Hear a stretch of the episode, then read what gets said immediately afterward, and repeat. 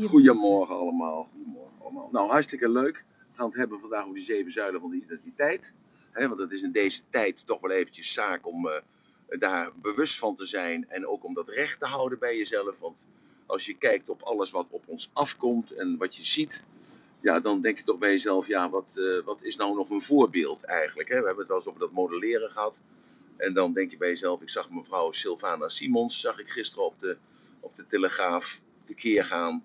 En toen dacht ik bij mezelf, ja, geen wonder dat het buiten op straat zo'n zootje is. Sorry dat ik dat even zo zeg. Dat het buiten op straat zo'n zootje is. Want als je dan kijkt hoe die mevrouw dan tekeer gaat, zich houdt aan niet één regel. Ik heb al al vaker gezegd, de, firma Denk, de politieke partij Denk, die heeft ook dan in haar beleid staan, wij regeren niet, maar wij saboteren. Nou, dat was duidelijk uh, gisteren waarneembaar. Als je dat kijkt, kijk maar eens even, ik heb het zelfs getwitterd. En dan hoor je die mevrouw toch de route toeteren, tetteren. En dan denk ik bij mezelf, mevrouwtje, mevrouwtje toch. Wat doet u eigenlijk in Nederland? Is het niet beter dat u teruggaat naar het land waar u vandaan komt? Want dit is toch eigenlijk ja, niet houden aan bepaalde regels die je onderschrijft voordat je de Tweede Kamer binnenkomt. Dus ik, uh, ja, ik, ik vind dat zo. Uh, ik voor mijzelf niet hoor, want ik maak me voor de rest niet, uh, er niet zo druk om. Maar ik vind wel heel erg dat een voorbeeldfunctie. Hè, en dan heb ik het ook natuurlijk ook over officieren van justitie of rechters. Die dan toch notabelen genoemd worden, notabelen, genoemd worden. Dat, ja, die moeten toch een, die moeten, ja, die moeten ja, een voorbeeld zijn. Want als je als bekende Nederlander voor het hekje staat, dan word je altijd twee of drie keer zo zwaar gestraft omdat je dus een soort influencer bent. En als je een influencer bent, dus de mensen luisteren naar je, dan moet je het goede voorbeeld geven. En nou, als ik dat gisteren zag van die mevrouw uh, Sylvana Simons, dan denk ik, ja, dat is toch een slecht voorbeeld. Maar goed, daarom uh, vind ik het uh, ja, geen toeval, maar is het wel, wel heel belangrijk dat je rechtop blijft staan. En voor jezelf dan, hè? Het gaat om jezelf, die identiteit gaat om jezelf. En dat ze dus dat uh, terughakken in die zeven stukken. Uh, daar gaan we het vandaag over hebben. Maar Marloes gaat eerst eventjes introduceren. Het, uh, en dan daar gaan we van slag. Van, van stal, daar gaan we, gaan we bezig. Ja. Je bent van slag. Emiel, je hebt een klein... Nou, ik ben niet van slag, ik ben niet van slag, maar dan gaan we van, van stal. Of hoe heet dat ook weer? Dan gaan ja, we, we gaan aan de slag. Ja, ja, Emiel, je hebt een klein kraakje in jouw... Lijn zitten. Ik weet niet of jij een snoertje net niet helemaal lekker hebt zitten. Wacht even, dan trek ik de snoer eruit. Zo, is het beter zo? Nee, ik hoor het nog. Je hoort het nog steeds? Heel licht. Ja, het is uh, heel af en toe zo'n rateltje of zo.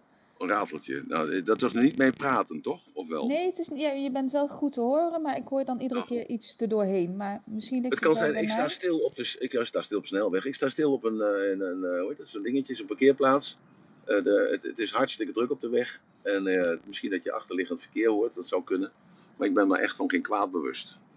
Nou, we doen het er gewoon mee en het is zoals het is. Ik ja. uh, vind het helemaal goed. Nou ja, voordat je begint nog even, even reclame maken voor Ginger. Want Ginger die is, ja, die heeft een beetje zo dat stokje overgenomen van die Ashwin. En uh, die begint uh, s morgens om 6 uur. Dus dat is natuurlijk wel eventjes voor de vroege volgers onder ons. Is het ook leuk om even te luisteren naar Ginger s morgens vroeg. Want uh, ja, hij begint daaraan. En dat, ik vind het ook een ontzettend goed streven om s morgens om, om 6 uur een verhaal te gaan vertellen met muziek erbij. Hartstikke goed. Dus daar wil ik je toch nog even op wijzen. Dat, dat, dat het een nieuwe 5 uur show geworden is. Zeg ik het goed, Ginger? Nou. Hoop ik in ieder geval dat ik het goed gezegd heb. Maar goed, leuk dus je dat hij dat om... gaat doen. Ja. Nee, hij is er al mee bezig. Hij is er al mee bezig. Nee, maar leuk dat hij dat is gaan doen. Dus uh, vrijdag ja. was de laatste aflevering van Ashwin en dan uh, wordt het mooi voortgezet. Ja, oké. Okay. Nou, ja, we gaan Ik zal je niet in de reden vallen. Op dag 293 alweer van de zeven zuilen van de identiteit. De roem wordt opgenomen. Wil jij uh, andere rooms terugluisteren, dan kan dat door op de link boven ons te klikken. Daar staan alle rooms vanaf de tweede week van juli op. Die zijn allemaal terug te luisteren. Er is ook een website, maar die is ondertussen in uh, constructie. Dus uh, daar kun je nog even niet aanmelden voor de nieuwsbrief. Maar in de loop van de week is dat gewoon weer mogelijk. Dan word je op de hoogte gehouden van alle nieuwe dingen die er gaande zijn. Het event van aankomende zaterdag gaat door alle coronamaatregelen niet door. Die is verplaatst naar 2 april. En heb je nog vragen of opmerkingen naar aanleiding van een room en wil je deze niet stellen op het podium, dan kun je dat ook bij mij in de backchannel doen. Dan zal ik die vraag uh, stellen aan Emiel. En vervolgens is iedereen welkom om op het podium te komen, om uh, vragen te stellen of om mee te praten. En dan uh, kunnen we van start, Emiel. Ja, goed. Dankjewel. Meid, hartstikke goed weer ook verteld. Hoe, hoe moet ik het eigenlijk zonder jou doen eigenlijk? Dat is de vraag die ik me eigenlijk stel. En, dat ja, dat je ook steeds beter. ja. Nou, dat is te veel eer, denk ik. Te veel eer. Want het is, het is een beetje rommelig als ik het alleen ben. En dus daar, ik heb de sterke hand van een vrouw heb ik nodig. Maar ik denk dat heel veel mannen zijn die een uh, sterke hand van een vrouw nodig hebben om hun te leiden op het pad. Zo, maar over identiteit. Dat is ook een stukje identiteit natuurlijk. Hè? Die twijfel die er dan in zit. Zo, wat uh, identiteit wil zeggen wat jou uniek maakt. Hè? Wat, wat is nou het unieke aan jou? Dus je hebt dat unieke, de unieke body logic. Er is niemand die gelijk is aan de ander. dus dat maakt jou uniek. Maar het is ook je gedragingen. Je gedragingen. En dat, die gedragingen die beginnen natuurlijk dan uh, met dat denken. En dat, dat denken dat uh, zorgt ervoor dat je dus ontstaat. En dat is eigenlijk een soort levenslange reis. Hè? Zo, zo zie ik dat eigenlijk een klein beetje. je bent op zoek naar dat ik. Wie is dat nu eigenlijk? Dus dat is die persoon die daar bovenop je hoofd zit, zoals ik dan de laatste dagen steeds vertel. Of de, de persoon die jou corrigeert. Hè? Dat is dus die interne uh, communicatie die ook uh, controleert. Uh, want jij zit daar dan onder die doom en je, je, je krijgt dus dan die buitenwereld voor, voorgespiegeld op dat grote screen. En met, met woorden erbij, geluid erbij, muziek erbij, met geuren erbij. Met, met, met, smaken erbij, met gevoelens erbij.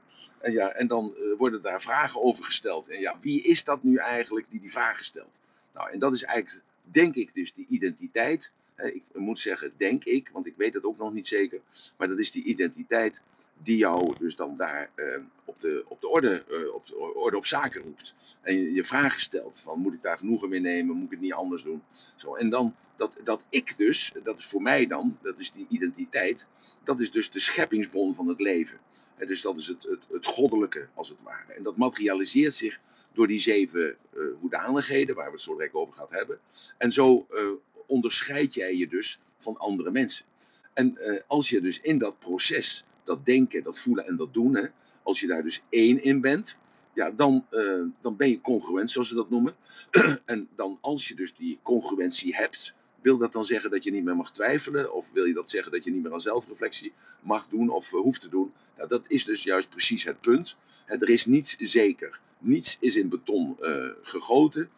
Alles wat je doet en wie je bent op dit moment, dat zal veranderen. En dat, dat moet ook zijn, omdat je elke dag leer je van de omstandigheden. Elke dag komen er weer nieuwe uh, hoedanigheden. Je moet uh, daarop anticiperen. Ja, je moet daarop uh, op reageren. je moet erover nadenken. je krijgt er bepaalde gevoelens over. Vanuit dat gevoel, dat doe je dan weer. Zo, en dan ben je ook heel congruent. Je bent gewoon anti-vaccin, zeg maar. of je bent de P van de A, of je bent Rooms-Katholiek. Ik noem maar even een paar voorbeelden. zo denk jij, zo voel jij en zo doe jij. En dan op een zeker moment, en dat was dat mooie van José van de week die dus dat allemaal veranderd had in zichzelf. En daardoor dus een shift gemaakt had, waardoor haar, uiteindelijk haar identiteit totaal veranderde. En dat vertelde ze zo mooi, omdat ze dus heel anders in haar vel zat. En dan schuift dus eigenlijk als het ware, als je dus daarboven in je kop ergens, en eh, wie dat en mogen zijn, dat is dus dat, dat, dat ik, hè, dat werkelijke ik, schuift dus dan op. En dan, uh, dan valt eigenlijk alles als domino-stenen, valt een, alles in elkaar. Ik noem dat wel vaker, hè, dus dat je bewust competent bent.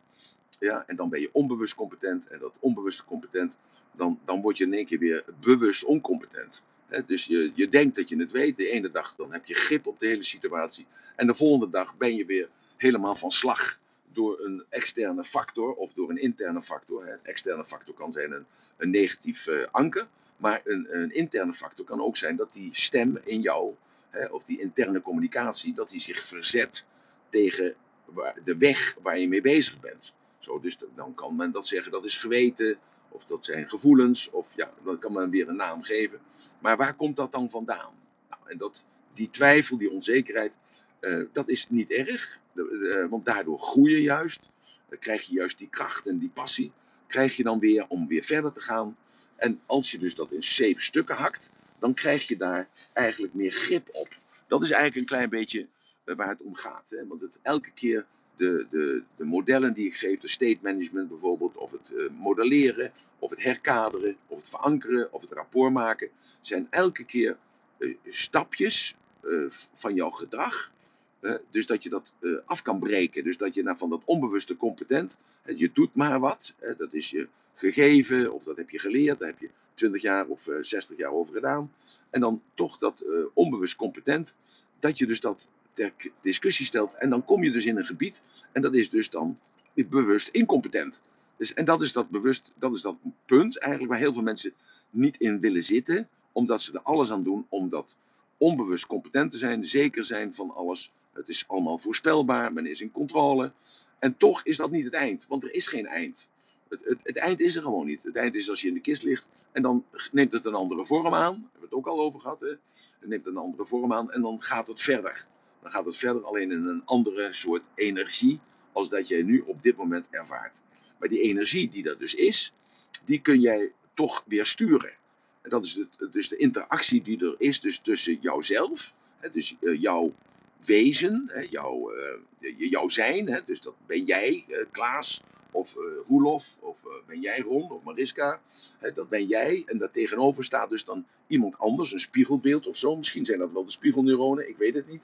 Hij staat er iemand anders en die, eh, die bekritiseert jou, of die complimenteert jou, of die, die, die, die zegt van je moet het anders doen, of je kunt het anders doen. Zo. En zo zijn er dus een, een aantal stappen. Hè? Ik heb die dan opgenoemd zo. En dat je die dus kan veranderen. En dat eerste is dus dat mentale. Jij bent dus wat je denkt wat je bent. Want als jij dus op dit moment denkt van ja, dit, is allemaal een kletskoek. eh, het is gewoon niet zo. eh, je bent gewoon een soort computer. En je krijgt een programma, eh, programmatuur mee. En die programmatuur, daar moet je het maar mee doen. En je hebt gewoon eh, ja, zo 7 gigabyte. En de punt uit basta. En als je het vergeten bent, dan is het gewoon gewist. En als je gelooft dat het in de iCloud zit, ja, dan heb je een ander wereldbeeld. Dus het mentale is natuurlijk heel belangrijk. Dus dat mentale, dat je dat gewoon elke keer weer eh, begrijpt, dat je dat kunt sturen. Hè? Want je bent wat je denkt. Maar ook, je wordt wat je denkt. Dus, dat, dus je, bent niet alleen wat je denkt, maar je wordt ook wat je denkt. En, en dat is dus even iets wat, wat, wat heel veel mensen nog niet eh, ja, pakken als het ware. Hè? Dat ze de meester zijn over hun eigen leven. En dat jij dat zelf bepaalt door je denken. En eh, dan is dus die zekerheden die je zoekt, dat zijn dus dan de overtuigingen. En eh, waarom, waarom is dat dan zo efficiënt? Want als je die overtuiging hebt, dan hoef je niet meer na te denken. Zo, dan, is het, dan heb je een punt gezet. Eh, Want dat is zo. Water is gewoon eh, nat. Punt. Daar hoef je niet meer over na te denken. Vuur is gewoon heet. Punt. Zo. En dat is dan gecombineerd aan, aan woorden en aan beelden en aan gevoelens. En dat is dus zo. En, ja, en dat is een mentaal proces. Als je daar tevreden mee bent, van, eh, ja, dan, dan is dat ook zo. En zeg je van luister, ik, ik kan mezelf veranderen. Dan kom je dus bij dat epigenetica. Dan, eh, ja, hoe denk jij dan over jezelf? Eh, wat vind jij belangrijk? Wa- wa- wa- wa- wa- wat vind je belangrijk? Zo, en dan, dan, dan kun je dat terug gaan naar die zeven stappen. En dan kun je datgene wat jij belangrijk vindt, kun je categoriseren onder een van die zeven stappen. En dan kun je aan werken. Maar dat is een mentaal proces. Zo, en daarom moet je actief blijven. Je moet actief blijven in je hoofd. Dat is dus gewoon ja, belangrijk. Waarom is dat belangrijk? Zodat je dat mentale proces blijft beheersen. Want vanochtend had ik iemand aan de telefoon die zei: Ja, mijn vader heeft een eh, TIA gehad. Ik zei: Ja, dat is wel heel vervelend. En eh, hoe uitzicht dat? Hij zei: Ja, hij kan niet meer bewegen in zijn nek. Ja, ja, en als je niet meer kan bewegen in je nek, dan eh, heb je ook een probleem eh, wat eronder zit allemaal. En hij zei: Ja, hij zegt, het is eigenlijk afgelopen, want hij herkent me niet meer. Nou, dus dan is de machine houdt op daarboven. En eh, ja, dan gaan we het zo direct hebben over het fysieke. Hè? Dus je moet mentaal moet je dus eh, fit blijven. Maar je moet ook fysiek fit blijven. Maar dat is dan de volgende stap. Maar goed, het mentale. Hoe bereik je dat dan? Door te realiseren dat er eh, ja, meer dan 60.000 gedachten door ons hoofd circuleren. Ja, ik, ik heb het ook ergens gelezen, dus ik, ik neem het dan maar aan dat het zo is. Volgens mij is het meer, maar er zijn 60.000 gedachten die door je hoofd heen gaan. Maar als je dat dan eh, eventjes terugrekent, dan blijkt dat dus eh, 42 gedachten per minuut te zijn. Ja, dan is het toch eigenlijk wel weer veel op, op dat moment. Zo, je hersenen blijven groeien. Dat is ook een inzicht wat we gelukkig hebben eh, de laatste jaren pas hebben gekregen. Die hersenen blijven groeien. Dus vroeger dachten wij, tot voor vier, vijf jaar terug, dachten wij, die hersens die sterven af. En die, ehm, ja, want dood is, is dood. Nee, het blijkt dus dat een ander deel van die hersenen dat overnemen. Dus je hoeft niet tevreden te zijn met het feit dat je zegt, ik ben eh, 75, dus ik kan het niet meer onthouden. Nee, het is een kwestie dat je zegt tegen jezelf, ik kan niet meer onthouden. En dan geef je een signaal aan je hersenen dat ze niet meer hoeven te onthouden. En dan doen die hersenen dat ook niet meer. Want jij bent de grote kapitein die daar bovenop dat schip zit. Zo, dus jij blijft, die, die hersenen blijven groeien. Dus dat is een hele andere overtuiging. Als dat je zegt, ja nee, hersenen sterven af al, dat begint al met zijn 27ste. Zo, je, je blijft je ontwikkelen tot je 45ste, zeggen ze. Hè? Je blijft blijf je ontwikkelen tot je 45ste. Nee, blijf je ontwikkelen totdat je in de kist ligt. En uh, daarom heb je ervoor nodig dat je dus die, zuurstof nodig hebt. Want die zuurstof uh, die gaat naar je hersenen toe. Het is echt gewoon ongelooflijk dat 70% van je zuurstof gaat naar je hersenen toe.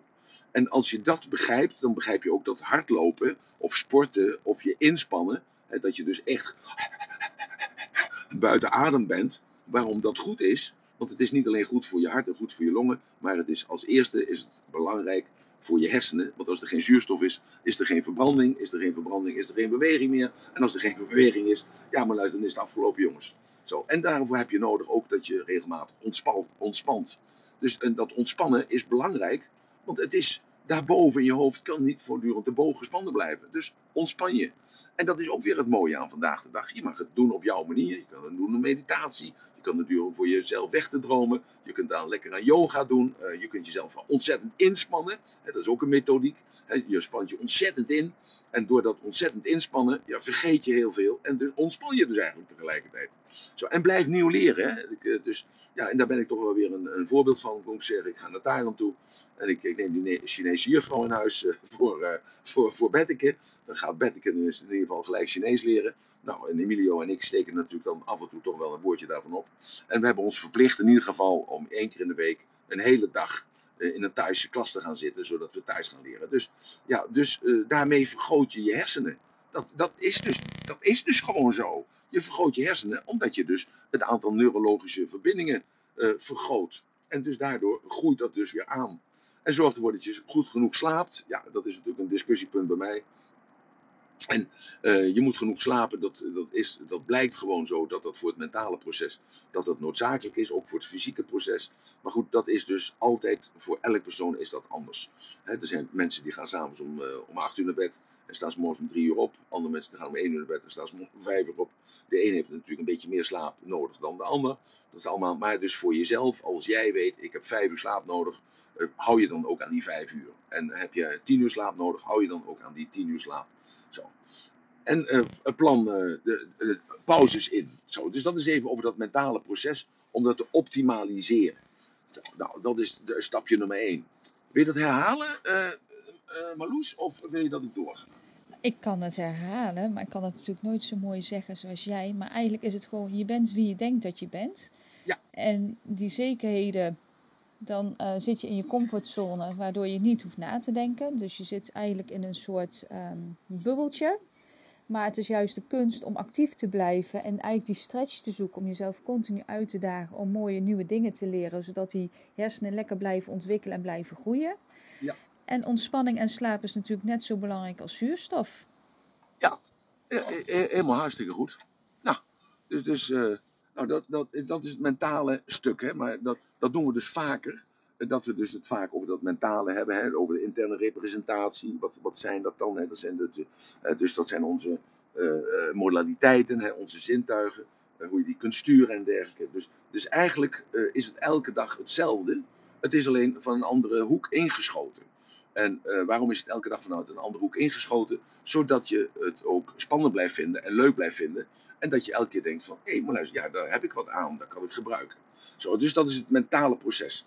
Dan het, de fysieke pijler, hè, de zuil. Hè. We hebben zeven zuilen. We hebben het mentale zuil, we hebben de fysieke zuil, de spirituele zuil, de relationele zuil, een sociale zuil, de carrière zuil en de financiële zuil. Dus dat zijn die zeven uh, belangrijke assets eigenlijk als het ware. En waardoor je dus uh, dat, dat, die authenticiteit of die identiteit, in het beter woord identiteit, dat je die identiteit uh, in grief houdt. Hè? Dus kun je dus die identiteit naar buiten toe, maar dat je dus dat voor jezelf, dat je daaraan kan werken. En dan, dan maakt het het ook hapklare brokken.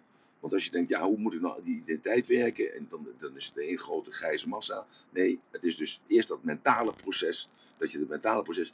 En dat je dat niet hoeft te beëindigen, maar je bent ermee bezig. En als je daarmee bezig bent, is dat al voldoende. Het is al voldoende om bijvoorbeeld naar school te gaan. Je hoeft niet te leren, maar als je maar naar school gaat. Zo. En dat is hetzelfde hiermee. Het zo, als je er maar mee bezig bent. Je moet je er zelf bewust van zijn. Zo, de mentaal is één. Twee is het fysieke. Het fysieke is, eh, is, is ons lichaam. Hè? En daar moet je natuurlijk heel goed mee omgaan. We zijn uh, omnivoren. Dat wil zeggen, wij bestaan dus bij, uh, bij, bij groenvoer. Uh, dus groenvoer, maar dus met, met, planten. En we bestaan dus bij de gratie van het vlees. Zo. En natuurlijk zijn er eiwitten. Het gaat om die aminozuren. Die aminozuren die omgezet worden. sorry. Die aminozuren die omgezet worden in onze DNA en RNA. Worden omgezet in eiwitten. Want eiwitten is natuurlijk wat we nodig hebben. En er zijn natuurlijk uh, dus vegetarische eiwitten. Sorry, excuses. Er zijn vegetarische eiwitten en er zijn dus uh, vleeseiwitten. Nou, de, daar kunnen we heel discussies over houden. Dus die eiwitten kun je daar uit alle twee halen. Alleen ons lichaam vraagt ook om de, vanuit nature, vraagt ook om vlees. En dat moet je het lichaam niet onthouden. Althans, dat is mijn mening. Maar ik ben daar ook in veranderd, want vroeger had ik heel veel vlees. Ik kwam bij Robbins. Robbins had een verhaal dat je vegetariër moet zijn. Hij had dat helemaal goed onderbouwd. Ik ben daarmee gestopt in 1986. En ik heb dat uh, ja, niet volgehouden, maar ik heb dat gewoon gedaan. Tot een jaar of uh, tien terug. En toen ben ik ermee gaan spelen. En momenteel ben ik dan een flexitariër. Ik eet af en toe een keer een stukje vlees. En uh, ja, ik ben daar niet meer zo dogmatisch over als dat ik die jaren, die 30 jaar geweest ben. Dus dat fysieke, we moeten ons houden. We, we bestaan dus uit water. Hè? Dus tussen de, de 60 en de 80 procent water bestaan we uit. En dat zorgt ervoor dat je dus in beweging blijft. Want het is eigenlijk, als je naar ons lichaam kijkt, naar die zenuwen vooral, hè, dat is een soort elektrische machine. En we hebben dat, uh, dat vocht hebben we nodig. En dat blijkt ook wel, want we kunnen maar maximaal vier dagen zonder vocht. En als je dus uh, vijf dagen zonder vocht bent, dan ga je slechter zien, dan ga je slechter bewegen, dan uh, word je een beetje trillerig. Waarom? Omdat dus die elektrische stroompjes niet meer doorgegeven kunnen worden. Zo zuurstof is. Ja. Je zegt ook altijd, hè, water bestaat uit, het, uit vier componenten. Wil je dat nog even toelichten voor degenen die dat nog niet eerder gehoord hebben? Oké, okay, ja. Uh, elke stof uh, die heeft uh, drie hoedanigheden. En zoals water, dat hebben we altijd geleerd. Water is, water is vloeibaar, water is vast.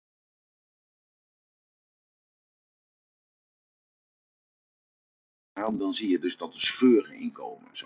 En dat is eigenlijk een wezen wat er in je lichaam gebeurt dat als je te weinig vocht tot je neemt, dan krijg je scheurtjes in, dat, in die gel.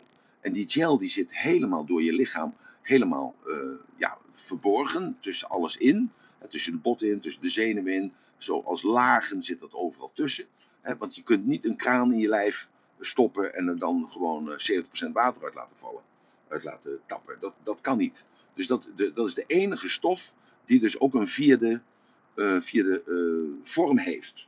Zo. Dat, dat is heel goed dat je dat even zegt, uh, Marloes. Want anders denken mensen van, ik, ik ben te zwaar, dus ik heb te veel water, dus ik zet een kraantje en dan kan ik het afstappen. Nee, dus dat kan dus niet. Zo, dus, dus vocht is heel belangrijk. doordat, ja, doordat we een elektrische machine zijn, dat, dat is in het hoofd. Hè, dus, en die, in ons lichaam, die zenuwen, dat moet geleid worden, die elektriciteit wordt geleid door het vocht. Ik heb dat gisteren of eergisteren uitgelegd. Dat die neuronen met die dendrieten, die zitten niet tegen elkaar, maar die zitten vlak op elkaar.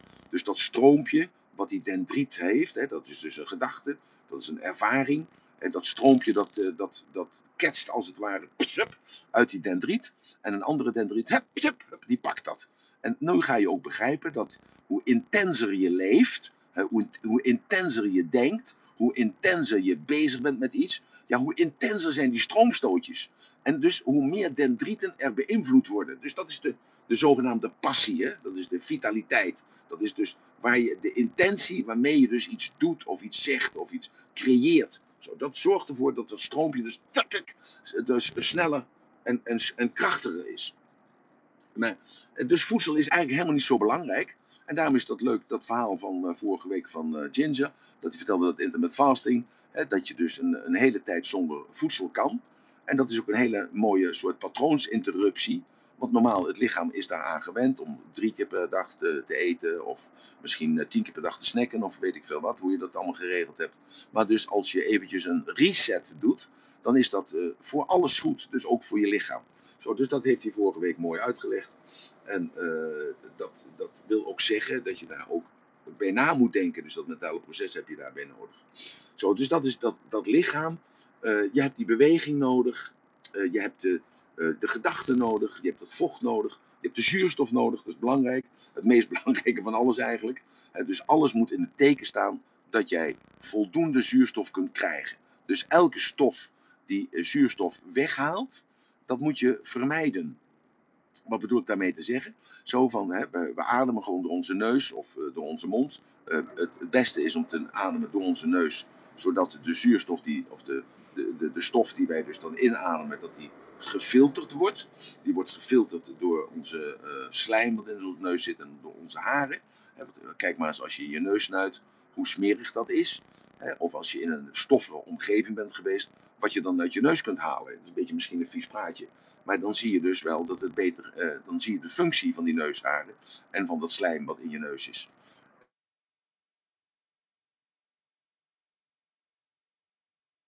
Dat is natuurlijk uh, niet zo lekker. En daarom is het zo dat roken, dat is zo ontzettend slecht. Want dat gaat in die longen. En de teer, dat slaat neer in die longen. En in die longen zitten allemaal uh, miljoenen haartjes. En die miljoenen haartjes die wuiven naar één kant. En dat is gewoon naar de exitkant. Hè. Dus uh, dat, gaat, dat zuurstof wordt uh, ingeademd en die longen die verdelen dat en dat gaat naar het bloed. En daar, zitten allemaal hele minuscule haartjes in. En die haartjes die, die waaieren allemaal één kant op, zodat die zuurstof de juiste kant op gaat. Zo, en wat doe je nou met roken? De teer wat in een sigaret zit, en dat, dat weet je, want dat zit ook aan je vingers, dat ruik je ook aan je vingers. Dat slaat neer in die longen. En als het neerslaat in die longen, dan kunnen die haartjes niet meer zo spontaan bewegen. Zo, dat is dus feitelijk wat de oorzaak is uh, dat het teer neerslaat. Uh, dus tussen dat hele, uh, zie het maar als een soort graanveld. Hè, als een graanveld. En daar, daar komt een, een dikke laag modder komt er onder te liggen. En dan kunnen die halmen kunnen niet meer meebewegen met de wind. En als die niet meer mee kunnen bewegen bij de wind, ja, dan krijgen ze ook niet meer zoveel voedsel. En dan blijven ze zwak. En dan sterven ze jong en dan zit er ook niet zoveel, gaan, zoveel voedingsstoffen in de gaan.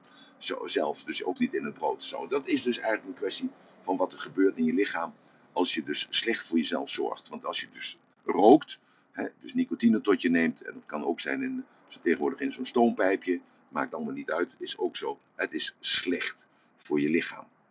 Dus zuurstof is het meest belangrijke.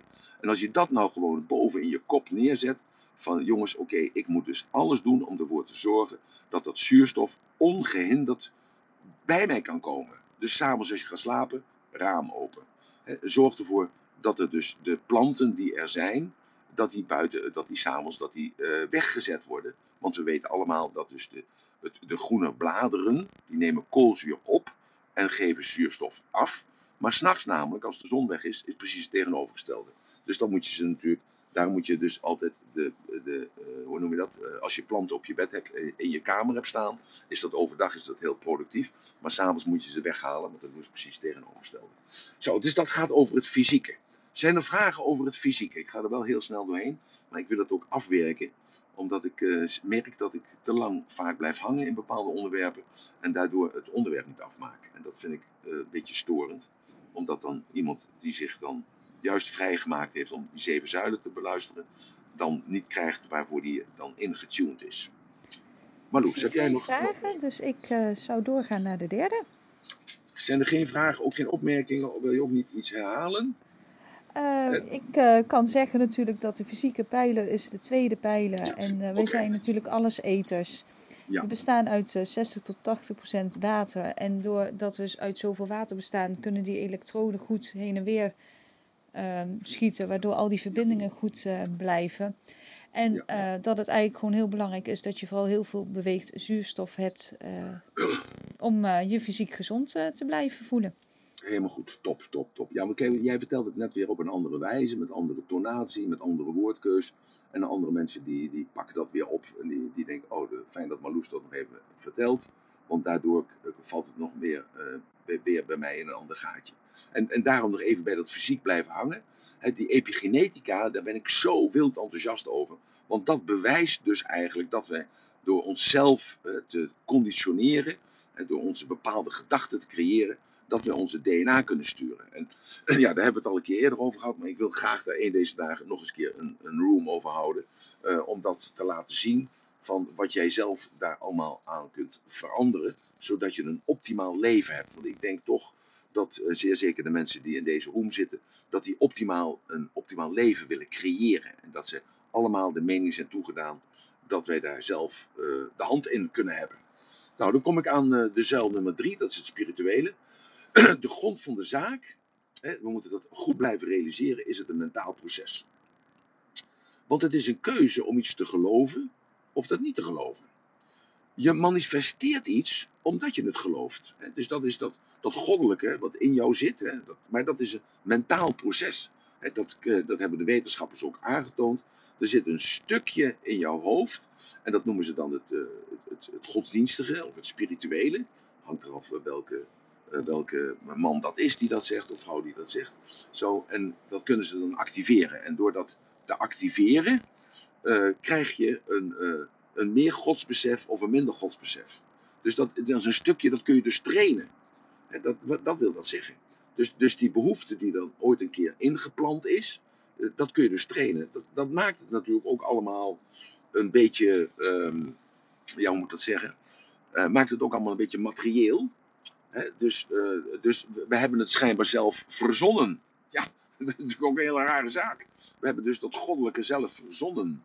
En dat, dat, dat is een soort overtuiging geworden. En ja, we hebben het al vaker over de uh, overtuiging gehad. Die overtuiging zorgt ervoor dat je werkelijkheid daardoor gefilterd wordt. En die overtuiging zorgt er ook nog voor dat wij, uh, dat wij gebruik maken van een, een optimaal gebruik maken van ons potentieel. Dus ja, dus eigenlijk een hele niet gezonde, maar een hele ondersteunende overtuiging. Dus is het om te geloven in iets waar je je aan over kunt geven. Dus dat is een mentaal proces, wat je dus zelf stuurt. En waardoor je dus het goddelijke in jou en het goddelijke buiten jou. Eh, en hoe je dat ook noemt, dat mag Allah noemen, of Boeddha, of Hare Krishna, of uh, Jezus, maakt allemaal niet uit. Het is voor jezelf allemaal. Of het licht, of, het, uh, of de opperbouwmeester van het heelal. Zo, maar dat je dat zelf dus bedenkt. En zelf dus creëert. En zelf dus word je dus ook zo. Je, je, je bent in de Heer. Dus dat is ook zo'n mooi woord. En je gaat dus ook geloven in wonderen. De, de wonderen van God die er zijn gebeurd. En ja, dan, dan, dan, dan gebeurt er dus iets met jou. En dat is bewustzijn creëren. dus daarom is het zo moeizaam om dat uit te leggen wat dat bewustzijn nu is dat bewustzijn is het, het proces om dichter bij jezelf te komen. Maar als je een goddelijk inzicht hebt, of je denkt, ja, het is toch wel efficiënt om erin te geloven. Ja, dat klinkt een beetje als vloeken in de kerk. Maar het is toch wel uh, efficiënt om te geloven. Want daardoor maak ik optimaal gebruik van mijn vaardigheden. En maak ik optimaal gebruik van bepaalde rustmomenten. Want ik kan me overgeven. Zo, en dat, dat is een hele, uh, ja, een hele andere benadering van het spirituele. Maar uh, ja, en, en daardoor kom je in een ander gebied. Dus als je helemaal niet die kant op denkt, je denkt alleen maar in uh, macht, of je denkt alleen maar in geld, of je denkt alleen maar in, in, in mooie zaken, mooie dingen. En je hebt helemaal niet dus die, die aanraking daarmee. Ja, dan begrijp je er ook helemaal niks van. Dat andere mensen zich daar zo druk om maken. Ja, elke gek heeft zijn gebrek. En iedereen die heeft gewoon een, een aandachtspunt. En er zijn mensen die, uh, die kwijlen op uh, schilderijen bijvoorbeeld, of uh, op dikke auto's, of, ja, op, op specifieke auto's, of ja, whatever. En, en zo zijn er dus mensen die, die zijn helemaal weg van het, van het goddelijke. En als je dus in dat goddelijke zit, dan geloof je dat je naast dat fysieke lichaam ook nog een spiritueel lichaam hebt. Ja, en dan, ja, dan, dan, wordt het, dan heb je het over de geest. En dan heb je het niet alleen over het lichaam en de geest, hè, dus de geest is dan de, zijn je hersenen, maar dan heb je het ook nog over de ziel. En wat, wat, wat, wat houdt dat dan in? Dus er komt heel veel verwarring komt er dan, als je daar dus niet in gelooft. Dus je, voordat je daar uh, mee praat met iemand, hè, dan moet je het ook vragen van, ja, geloof je eigenlijk wel? Hè, dus geloof je wel in, in iets? En dat is denk ik toch het verschil tussen mensen en dieren.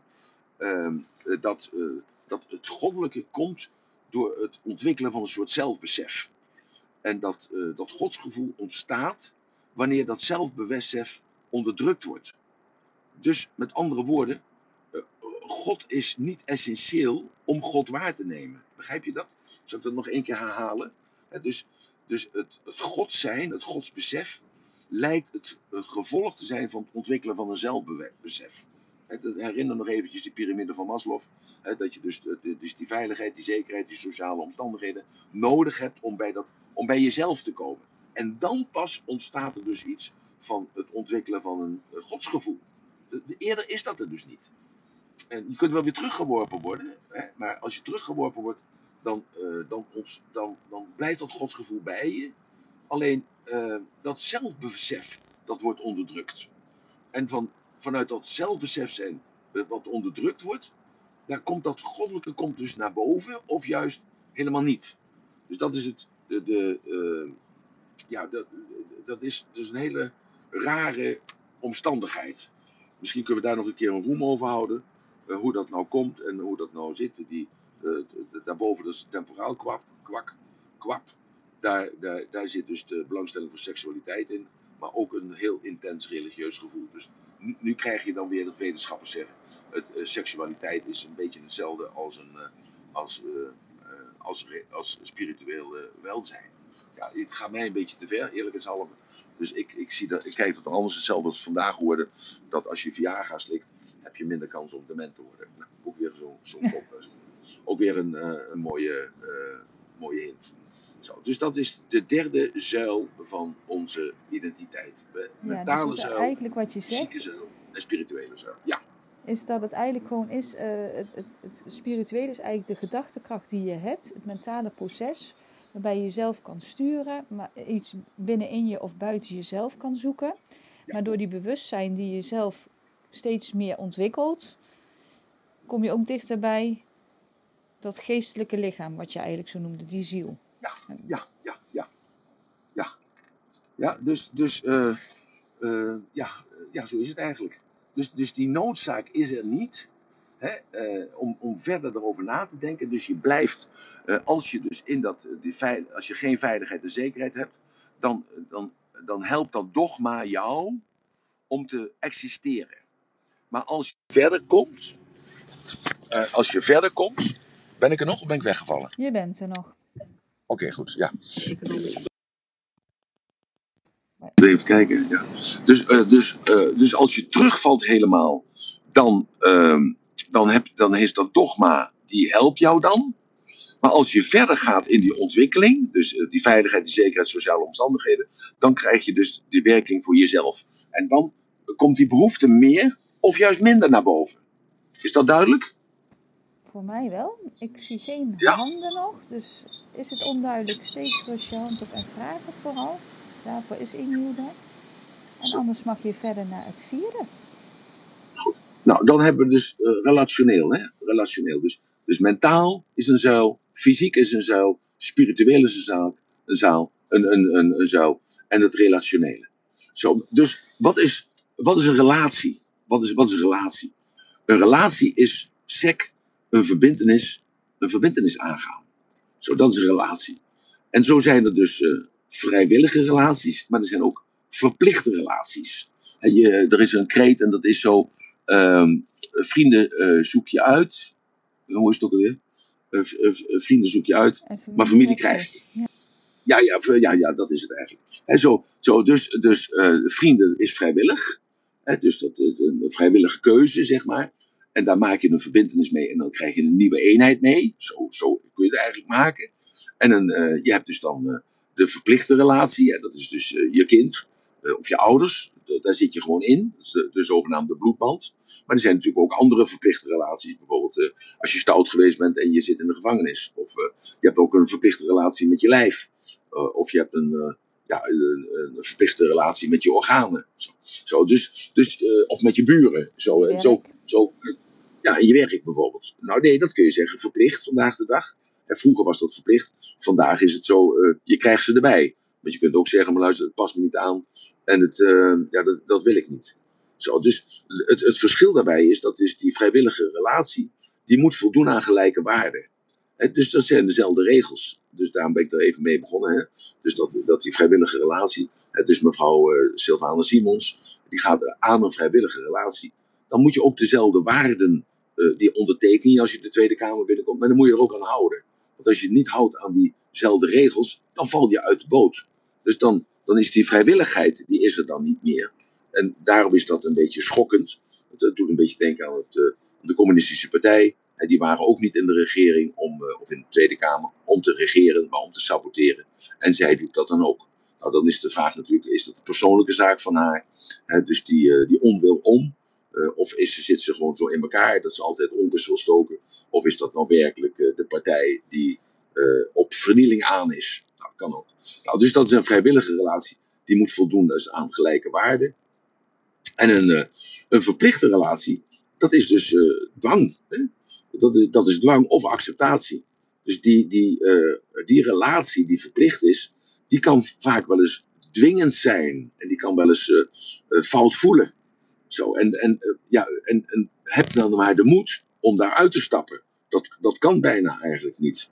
Dus, het, dus met andere woorden, de dwang dat wordt opgelegd. Hè? Dat, dat, dat, dat gevoel, wil jij dat? Wil jij dwang voelen? Of hoor jij, wil je acceptatie voelen? Wil je erbij horen? Zo, dus, dus dat is dat gevoel wat er uiteindelijk uit voortkomt. Wat wil jij?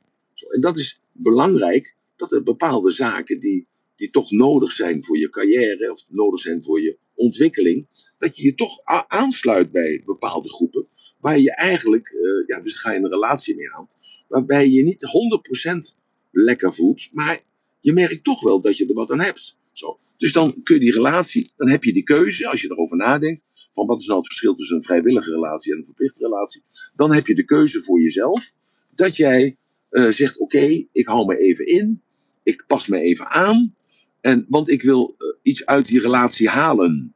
En als ik uit die relatie dat gehaald heb, dan stop ik met die relatie. Zo, dus dan, dus dan kom je weer in brief. Hè? Je komt dus weer in. Uh, je, je krijgt weer voor jezelf het idee van. Ja, ik, ik, ben, ik ben zelf bepalend. Ik ben zelf bepalend. Nou, zijn die vragen over? Nee, ook niet in de backchannel.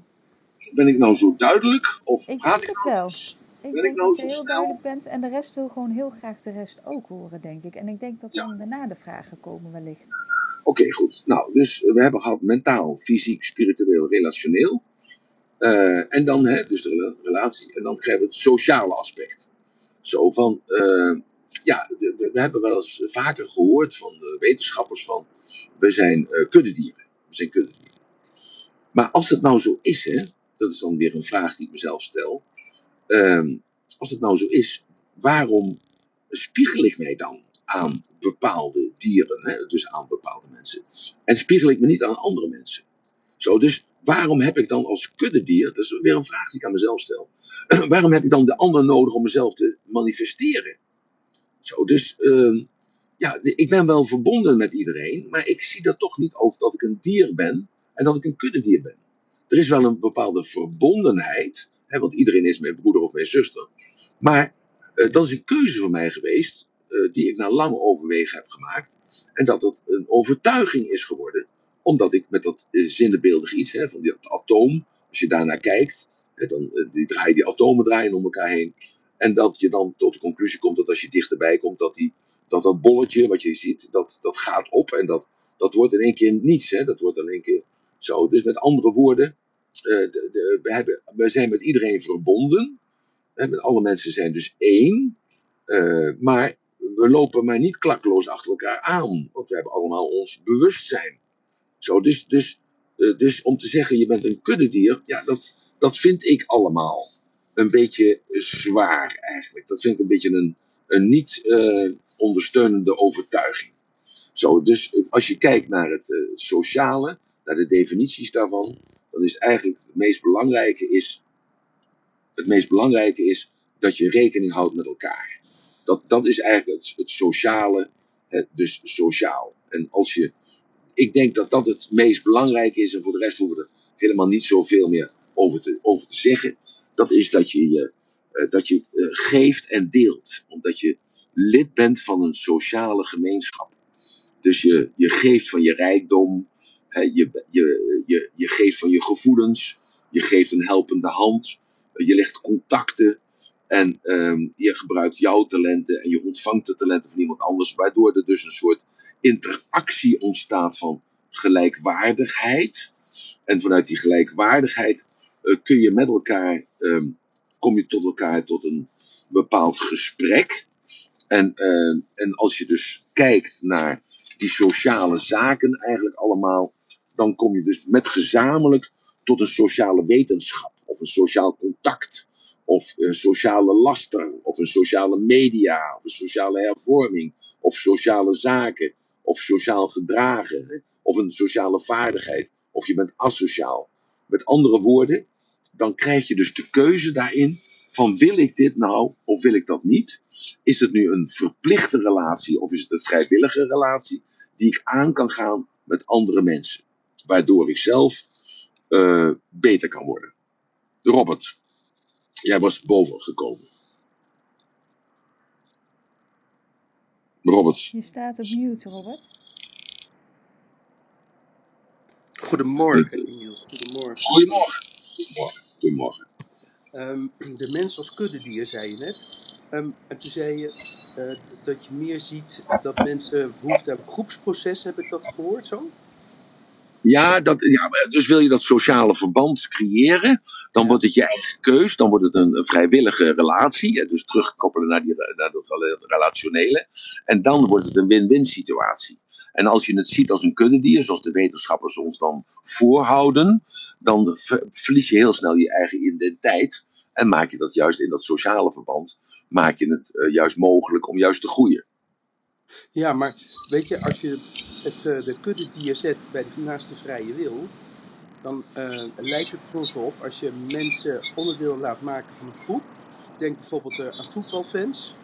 Ja. Hè, dat je ziet dat de politie scheidt de fans de een van de ander als, een, nou, als dieren. Hè. Je laat ze lopen Ja. tussen containers door. Ja. je laat ze met verschillende bussen komen. Want op het moment dat de, de ene groep de andere groep ontmoet, dan hoeft er niet te zijn als aanleiding. Hoeft niet uh, uh, iets te ontploffen is. Nee, ze vliegen elkaar gewoon naar de keel. Um, Ja. En de vraag die je daarbij kan stellen is of um, op het moment dat jij onderdeel uitmaakt van kudde, Van een groep, of ja. je dan inderdaad meeloopt met die groep, of kudde, hoe je het maar noemen wil. Of dat Ja. jij de enige bent die als de kudde naar links gaat, naar rechts gaat. En ik denk dus dat als je het definieert naar mensen als kuddedier is, maak je onderdeel uit van een grote groep. Dan Ja. ga je met die groep mee, omdat je in die groep veilig voelt. Maar op het Ja. moment dat je eh, zeg maar in een heel klein groepje zit, twee of drie of vier of vijf, misschien tien mensen, dan kan het heel Ja. goed zijn dat je daar veilig genoeg voelt om afstand te nemen van die groep. Maar ik, ik, ik kan onderschrijven dat zeker mensen in eh, grotere groepen eh, zich gaan gedragen als een, als een schaap. Eh, Ja. Nee, dat, dat, maar dat klopt. Maar dat is het sociale, het, het, het, het collectieve bewustzijn waar je dus dan op een zeker moment instapt. Lijkt het wel, zodat je jezelf je eigen identiteit opgeeft. Ja, je zoekt de veiligheid van de groep. Nou ja, dat is een verklaring. Eh, maar ik zou dat oordeel niet willen geven. Daar aan, omdat je dat, dat- zou dan een, denk ik een bepaalde conclusie zijn die niet voor iedereen op geld doet. Want eh, iedereen heeft daar zijn eigen eh, beweegreden voor om op te gaan in het collectief. En Ja, er zijn mensen die gaan überhaupt niet op in het collectief. Die, sta, die blijven altijd daar buiten staan. Dus die gaan, die, zitten, die, die gaan daar buiten staan. Maar het paradox is natuurlijk dat ze dan bij een ander collectief horen. Die daar buiten blijven staan. Ja, dan, voor mij maak je dan onderscheid tussen definitie mens is kuddedier. Dat is een algemene eh, omschrijving van de mens als Ja. En voor Ja. mij geldt die ook, want het is een uitzondering dat mensen zich, eh, vanuit, zich vanuit eh, in een groep deelnemen en zich vervolgens distancieren. Want je distancieren van de groep betekent ook vaak dat die groep jou niet meer accepteert. Ja, nee, maar, ja, maar dan, ja, het gaat mij om het woord kuddedier. Dat, dus, dat mensen dat ook dan letterlijk nemen. En dat ze dus dan hun eh, vrije wil vergeten. hun vrije wil daarin vergeten. En zij zijn dan niet meer een, kunnen niet meer een onafhankelijk wezen zijn. En daarom is dat, wordt dat dan, eh, ze creëren dus een soort verplichte relatie tot die groep. Ze gaan op in het collectief. En als je dus de vrije, vrije mening hebt of de vrije wil hebt, dan kun je zeggen, ja, dat wil ik niet. Ik wil wel een sociaal verband aangaan, want dat dient mij tot bepaalde zaken, tot iets. Dus wij gaan samen tot iets bereiken, of ik leer iets van jou, of ik leer iets van die groep, maar ik stap er wel zelf uit. Dat is het verschil tussen te kijken als zijnde een mens is een kuddedier, of een mens is een sociaal dier.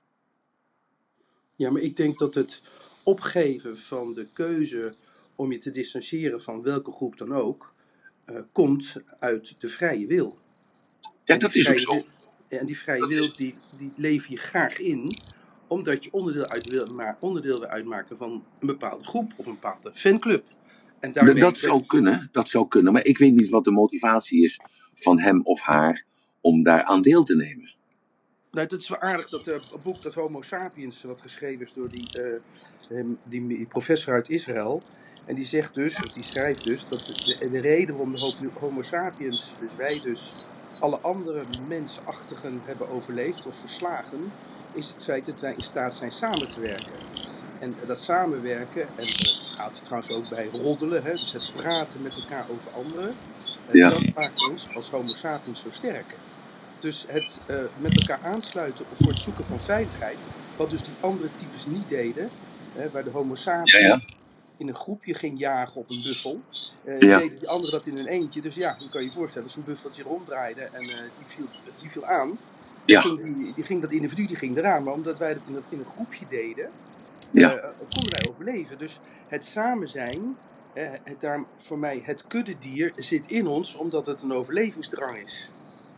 Ja, ja, maar ik, ik kan het wel mee eens zijn. Ik wil alleen dus het verschil laten zien dat uh, het, er een keuze is of je een sociale relatie aangaat of dat je dus deel uitmaakt van de kudde.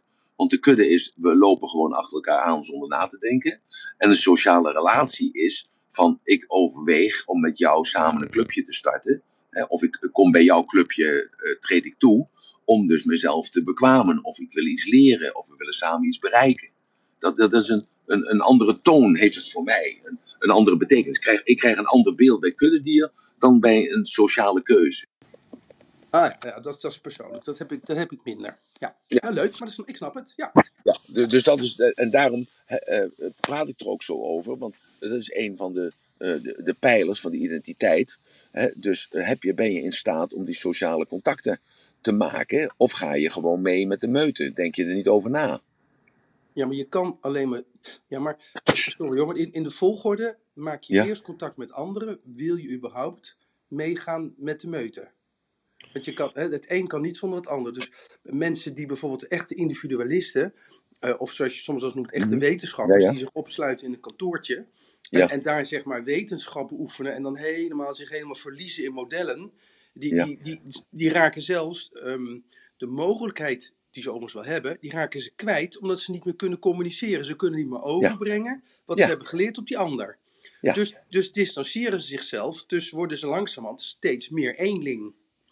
Dus, maar voor mij begint het aansluiten bij een groep, begint bij het idee ik wil me aansluiten. En dat lukt je alleen als je op een of andere manier in staat bent om te communiceren met die ander. Ja. En, en dat is een soort socialiseringsproces. En in dat proces hoor je dan overtuigingen die je samen deelt of kan delen of waar je ja. op kan nemen. Nou, en dan kan je zeggen, hé, hey, jij zegt iets, dat vind ik ook. Nou, dat vinden de meeste mensen geweldig hè, om dat te horen. Dat, dat, dat ze niet alleen iets vinden, maar die ander het ook vindt. En een groep begint bij twee. Nee, maar ik denk dat we hetzelfde, dat we het helemaal met elkaar eens zijn.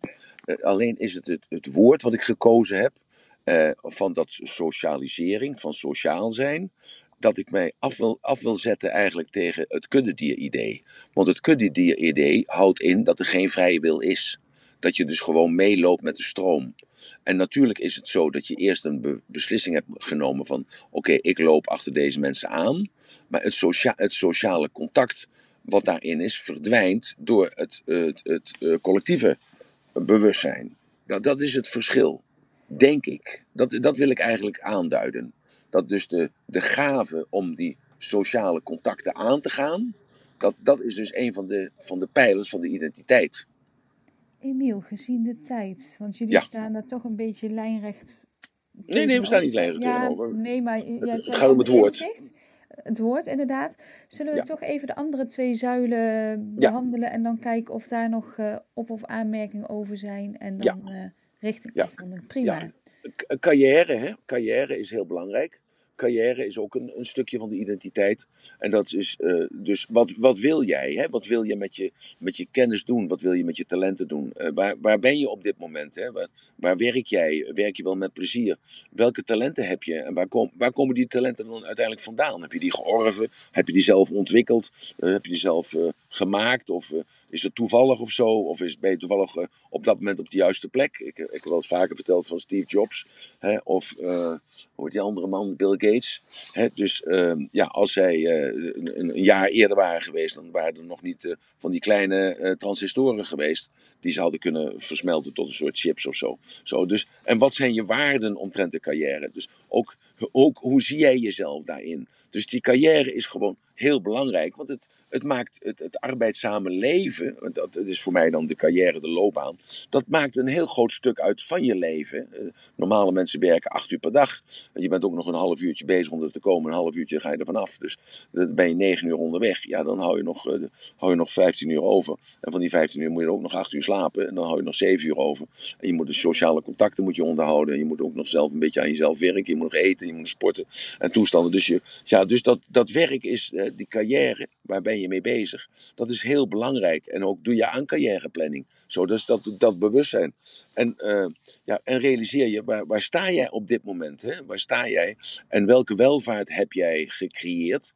Eh, en welke welvaart ja, ga jij in de toekomst bereiken? Dus, en wat heb je daarvoor nodig? Dus maak een carrièreplanning en realiseer je als je een jonge vent bent van 20 jaar: oké jongens, ik, eh, dit jaar kom ik van school af en wat wil ik daar nu eigenlijk mee? Of laat ik mij, maar, eh, laat ik mij maar bewegen door eh, de toevalligheden die op mijn pad komen? Of, of wil ik het sturen zodat ik een pensioen heb als ik 65 ben? En dat ik zo. Dus, dus met andere woorden, die carrière is ook heel, heel belangrijk. En dat moeten we absoluut niet onderschatten. Want er zijn heel veel mensen die eh, in dat palet van die zeven zuilen, eh, deze zuil, de carrière, heel zwaar laten wegen.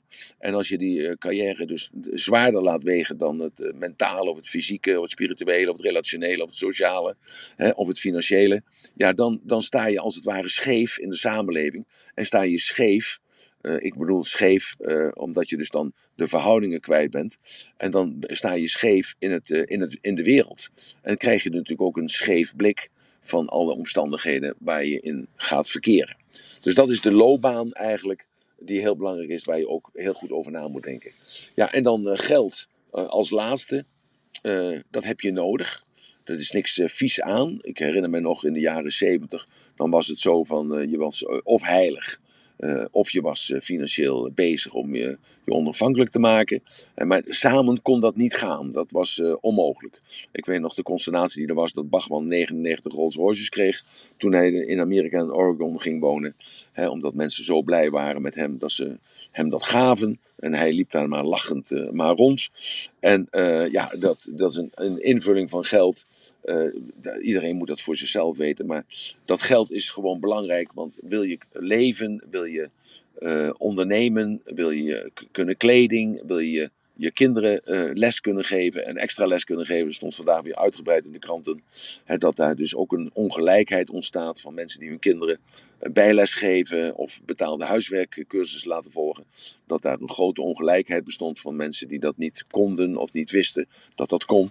Zo, en dat, dat koop je met geld. Dus geld heb je gewoon nodig. Dat is iets wat ook belangrijk is voor jezelf. Dus eh, hoe ga je met geld om? Hoe beheer je geld? Hoe krijg je geld? Waar heb je het geld voor nodig? En ehm, ja, eh, hoe zorg je ervoor dat je die financiële onafhankelijkheid bereikt? Als jij die, althans, als jij die beoogt. Zo, dus dat waren de zeven zuilen van eh, de ehm, identiteit. En als er nog vragen over zijn, Robert, ik hoop dat, dat wij het met elkaar eens zijn geworden uiteindelijk. Eh, en ehm, dat het alleen maar een woordje is en dat dat woord een andere invulling heeft.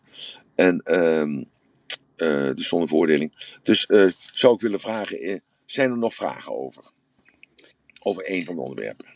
Ik zou graag willen reageren op wat je als laatste zegt, Emiel. Ja. Ehm, het aardige is dat in mijn gevoel, jij en ik, en maar dat vaak bij jou in de room, dat wij met elkaar van gedachten wisselen. Ja, En heel bewust de discussie niet opzoeken. Dus heel bewust leg ik mijn gedachten naast die van jou. En dat doe jij andersom ook. Waarbij we proberen niet elkaar te overtuigen van ons gelijk. Want dat is helemaal niet belangrijk. Door de gedachten naast elkaar te leggen, eh, gaan wij straks na de komen wij nog wel momenten tegen dat we bij onszelf denken: Goh, wat zei die nou?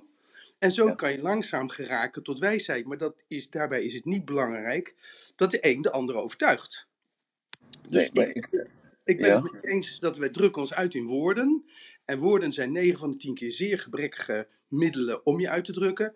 En ik denk dat wij allebei, wat jij zegt, hetzelfde bedoelen. Maar Ja. de lol zit hem ook in het van gedachten wisselen. Ja, ja dat, dat klopt ook.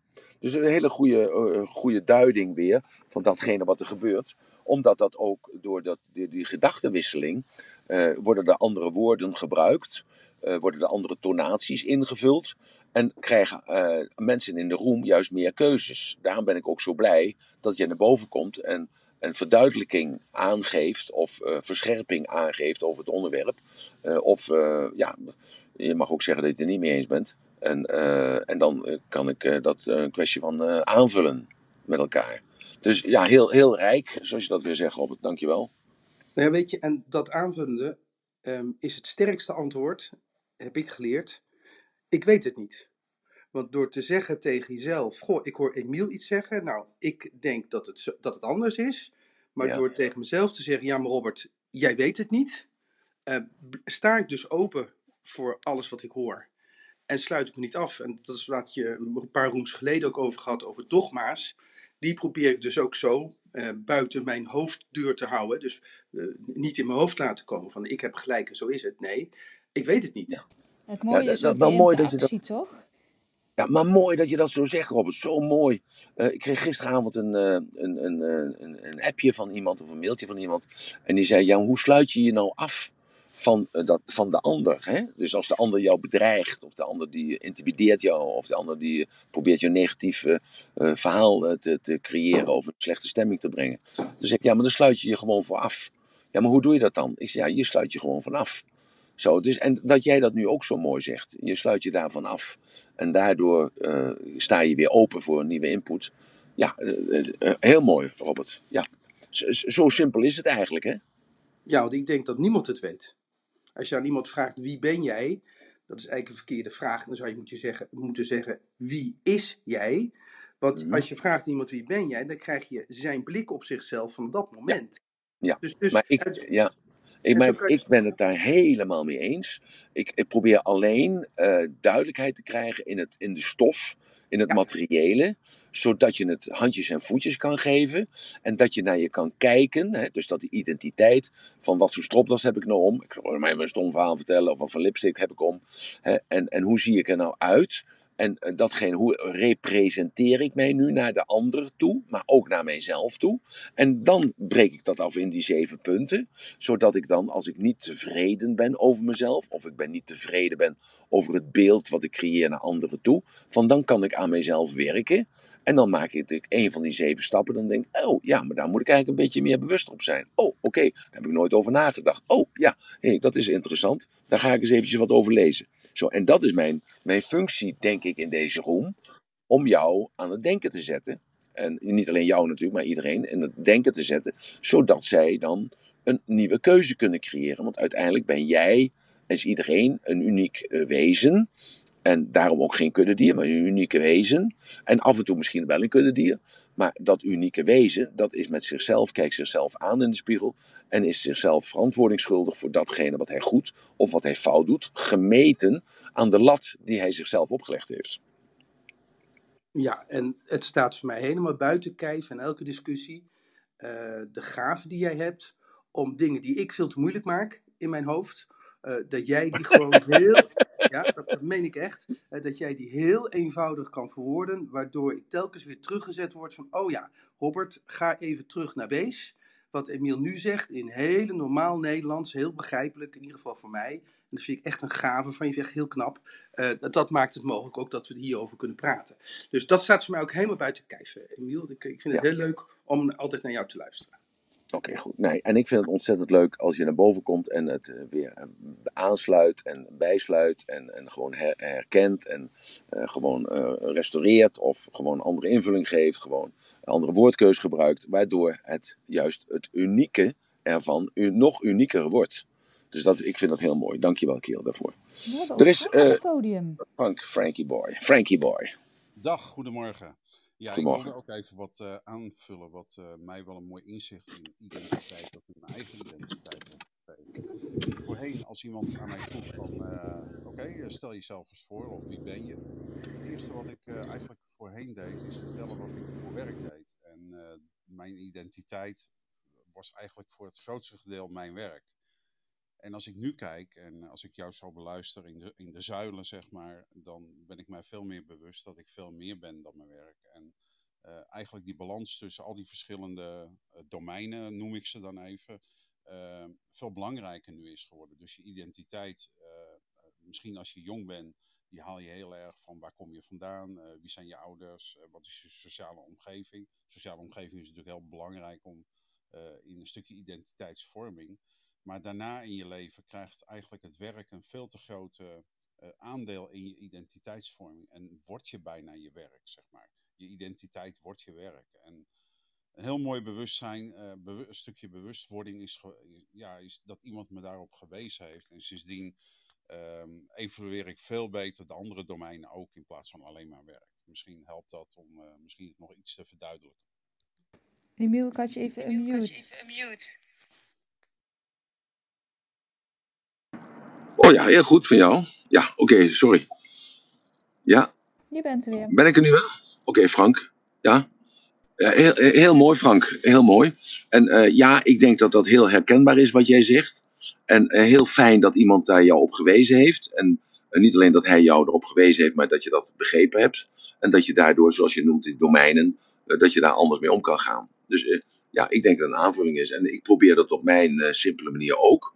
Dus door die zeven zuilen van identiteit, om die te benoemen. Want er kunnen er ook wel 17 zijn, en er kunnen ook wel eh, 700 zijn, en er kunnen ook wel drie zijn.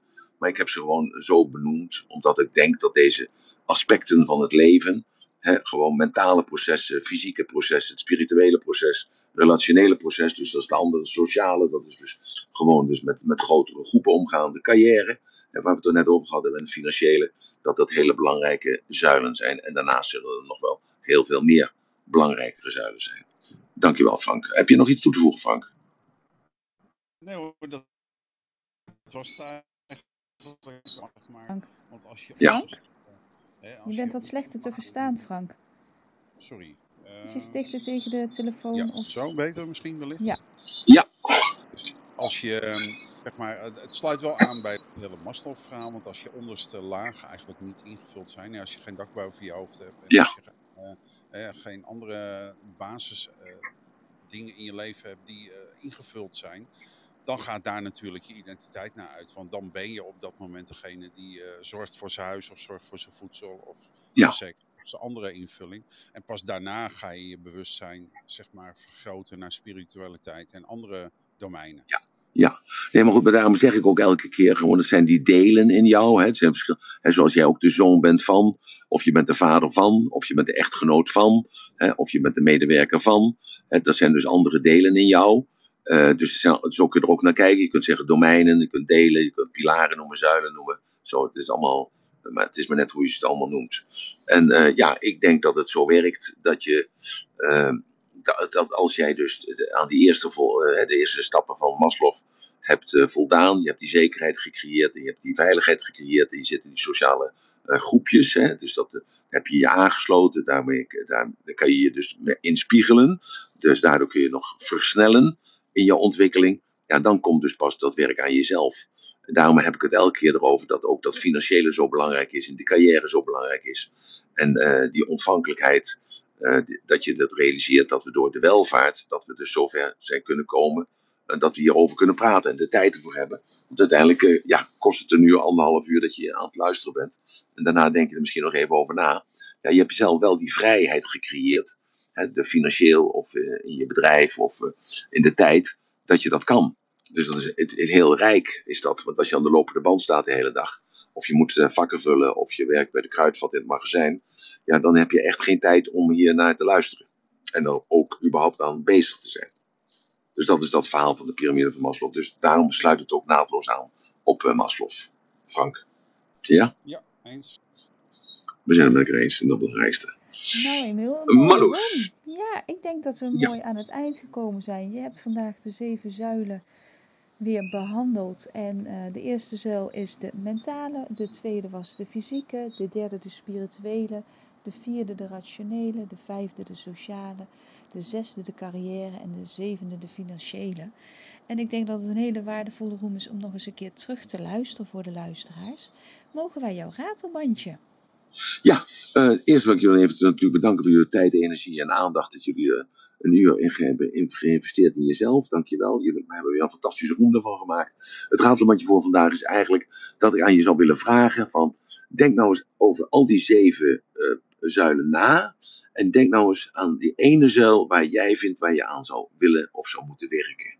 En als je daar eentje uitgehaald hebt, en je denkt, maar nou, daar zou ik wel iets meer van willen weten. Of ik zou dat wel misschien mijn ervaringen willen delen. Nou, eh, nodig mij dan eens uit om daar samen dan een room van te maken. Want ik denk elke keer toch weer, ik kan het niet genoeg benadrukken, dat we samen deze rooms maken, elke keer weer. En hoe meer activiteit er van jullie uitkomt, des te beeldender en sprekender eh, worden ook de voorbeelden en wordt ook de behandeling. Dus dat zou ik eigenlijk willen vragen als ratelbandje voor vandaag. Om na te denken van welke van deze zeven zou ik nou nog iets meer willen weten? Of zou ik nog iets meer eh, mezelf willen delen of kwetsbaar op willen stellen? En dat zou ik samen met Emiel willen doen. En dan meld je dan even aan bij clubhouse.ratelband.com. En dan eh, kunnen we daar verder aan werken. Dank jullie wel. En dan hoop ik jullie morgenochtend te zien. Ik weet niet meer waar we het over gaan. Morgen, weet jij het toevallig, Marloes? Je gaat het hebben over de overtuigingen. Welke overtuigingen Oh ja. bepalen wat je denkt? Ja, exact. Morgen gaan we het hebben over de overtuigingen. Hè, van, eh, dat zijn de gedachten. Hè, de gedachten die uiteindelijk geworden zijn tot waarheid voor jou. En die jouw werkelijkheid creëren. Hè, dat is epigenetica weer eigenlijk. Het creëert jouw werkelijkheid. En vanuit die werkelijkheid reageer jij weer. En functioneer jij. Zo, daar gaan we het morgen over hebben. Een mooie dag. Maak er ook een rijke dag van. En een dankbare dag van. En als je vanavond op bedje ligt, denk dan even bij jezelf van. Wat heb ik vandaag geleerd? Wat heb ik vandaag gegeven? En wat heb ik vandaag gedaan waar ik trots op mag zijn? Een mooie dag vandaag en tot morgen. Bye bye.